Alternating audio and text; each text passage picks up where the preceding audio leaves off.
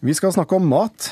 Tidligere matjournalist i Aftenposten Tove Disen mener det har blitt en forflatning i matjournalistikken. Både i Aftenposten og Stavanger Aftenblad fjernes nå profilerte matskribenter fra avisspaltene. I Kulturnytt i dag tidlig hørte vi eh, fjernsynskokk og kokebokforfatter Ingrid Espelid Håvig etterlyse bedre matjournalistikk i norske medier, og gjerne en mer profilert TV-kokk.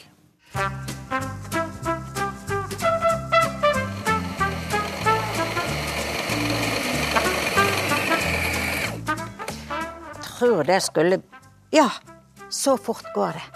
Og så var det altså vannet som skal eh, i. Og jeg syns det er lurt å måle opp eh, faktisk i ei sånn liten eh, mugg eller noe. To og en halv spiseskje har jeg her. Det kan være to til tre spiseskjeer. Vi skulle hatt en Jamie Oliver, en norsk Jamie Oliver på NRK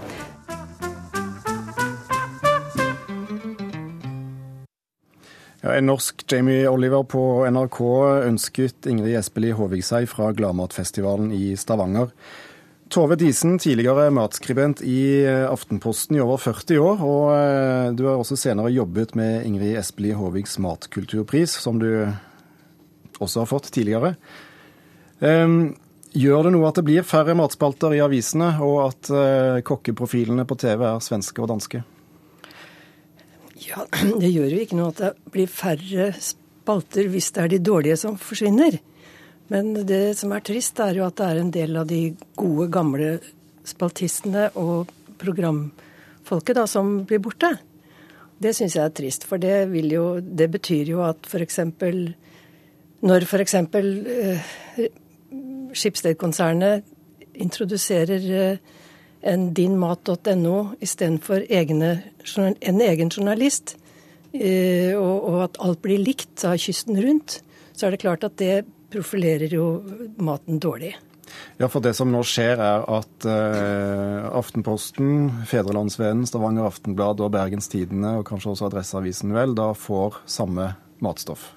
Det kan se sånn ut, uten at jeg vet detaljene i det. Og, og det, i mine øyne, så er for, for, å ta Aftenposten, som er mitt hjerte nærmest, da, så har, en, har, har, den fått en kjedelig matspalte, i motsetning til hva den hadde etter at jeg sluttet og Ingvar e Yngve Ekern overtok spalten på heltid. Så har det jo det vært en flott spalte, og jeg syns det er veldig leit at den er blitt borte. Og det er mye kunnskap som forsvinner på den måten. Ja, for hvorfor er matjournalistikk viktig? Fordi det gir noe som vi ellers ikke får hvis det er gjort ordentlig. Eh, hvis vi tilbake til, går tilbake til matkulturbegrepet, så er det et veldig, et veldig vidt begrep som uh, favner om kunnskap og holdninger som vi gjerne har i ryggraden, fordi det er en slags arvet uh, substans. da. Og hvis den ikke blir levert, levert videre, så blir den jo borte. Og uh, en god matspalte kan sørge for at, at dette er kunnskap som, som når ut til flere. Det, det, eh, det mener jeg er viktig. Ja, Erik Forsnes Hansen, forfatter og restaurantanmelder i eh, VG. Syns du eh, matkulturen blir holdt godt nok i hevd i norske medier? Jeg tror de er enig med Tove Disen at det er litt ymse, faktisk. Nå, min egen avis har prisverdig nok satset veldig hardt nå i det siste på eh, en egen matportal og med egen matansvarlig. Slik at der går på, en måte utviklingen, heldigvis vil jeg si, da, i en, motsatt retning, men mye sterkere profilering på eget nettsted som heter godt.no.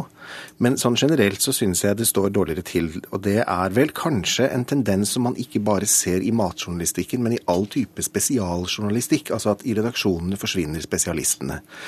Mens det var vanlig før å ha en egen vitenskapsjournalist, så eh, blir det nå overlatt til allround-journalistene. Med de feil og hva skal vi si, feilkilder det innebærer. Jeg skal ikke si noe om stygt om journalisters intelligens, i hvert fall ikke når jeg sitter her. Men det er klart at det kreves en viss spesialinnsikt f.eks. i å formidle forskningsresultater. Akkurat, som det kreves en spesialinnsikt i å eh, eh skrive om eller formidle kulturstoff. Man ville jo aldri funnet på å bytte ut sportsjournalistene med allroundere, fordi det, man ser umiddelbart at man må ha spesielle insekter, innsikter, ikke insekter, innsikter, for å, kunne, for å kunne skrive om det. Men på mat så ser vi nå den samme tendensen gjøre seg gjeldende mange steder. Det er jo underlig at i NRK, hvor vi sitter nå, hvor det jobber såpass mange mennesker at det ikke på en måte er ett menneske som er ansvarlig for å formidle, som Tove er inne på, nemlig den norske matkulturen sett i den moderne tid. Eh, og, gjerne eh, hva skal vi si, i crossover med andre ting som, som, som skjer i vårt samfunn i dag. Men at man nøyer seg med eh, å bestille produksjoner utenfra. Det er, det er et, tankekors, og det er, det er veldig synd. Står det bedre til i, i våre naboland?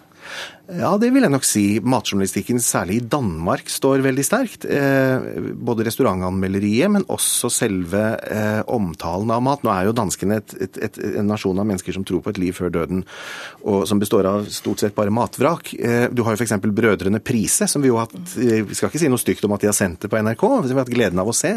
Adam Prise er jo, eller, er jo kjent da også som forfatter og som Han er bl.a. hovedforfatteren blant den suksessserien Borgen, som gikk på NRK nylig.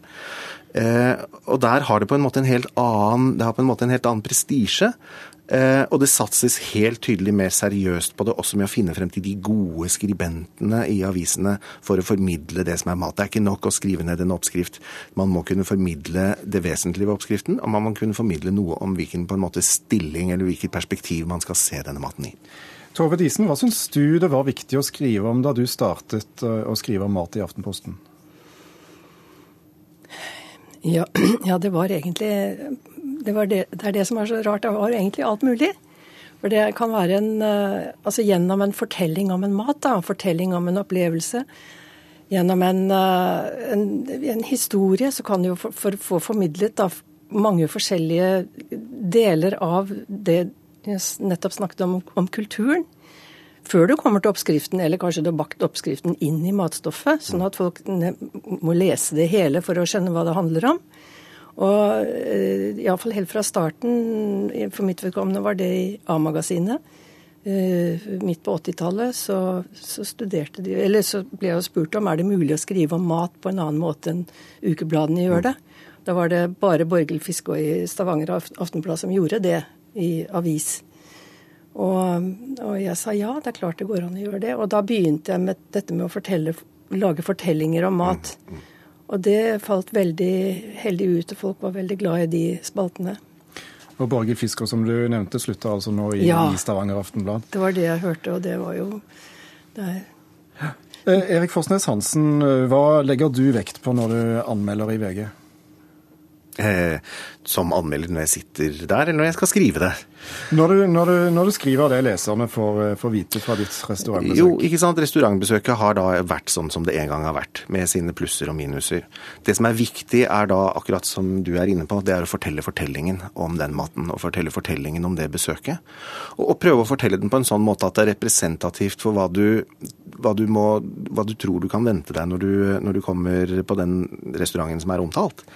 Eh, ikke bare sette opp en poengskala over at eh, maten gir fire poeng, og så er eh, rensligheten på do er tre poeng, og så er servicen åtte poeng. Altså du, kan på en måte, du må på en måte prøve å forsøke å skape en mye mer helhetlig fortelling enn det. Det er i hvert fall hva, hva, hva vi prøver i, i, i, vår avis. Og jeg tror det svarer til et behov ute blant de som er matinteresserte, og som det jo blir flere og flere av. Nemlig det at de som er godt matinteresserte, de synes det er veldig morsomt å lese om mat ikke bare skjematisk, men lese nettopp de fortellingene om smaksopplevelsene, fortellingene om eh, ingrediensene.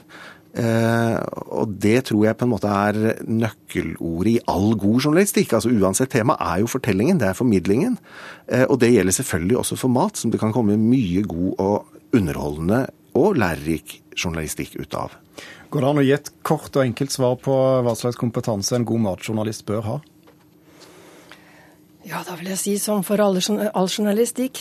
Masse nysgjerrighet. Og så lyst til å fortelle det og videre. Og erfaringen, naturligvis. Erfaringen, den kommer med åra.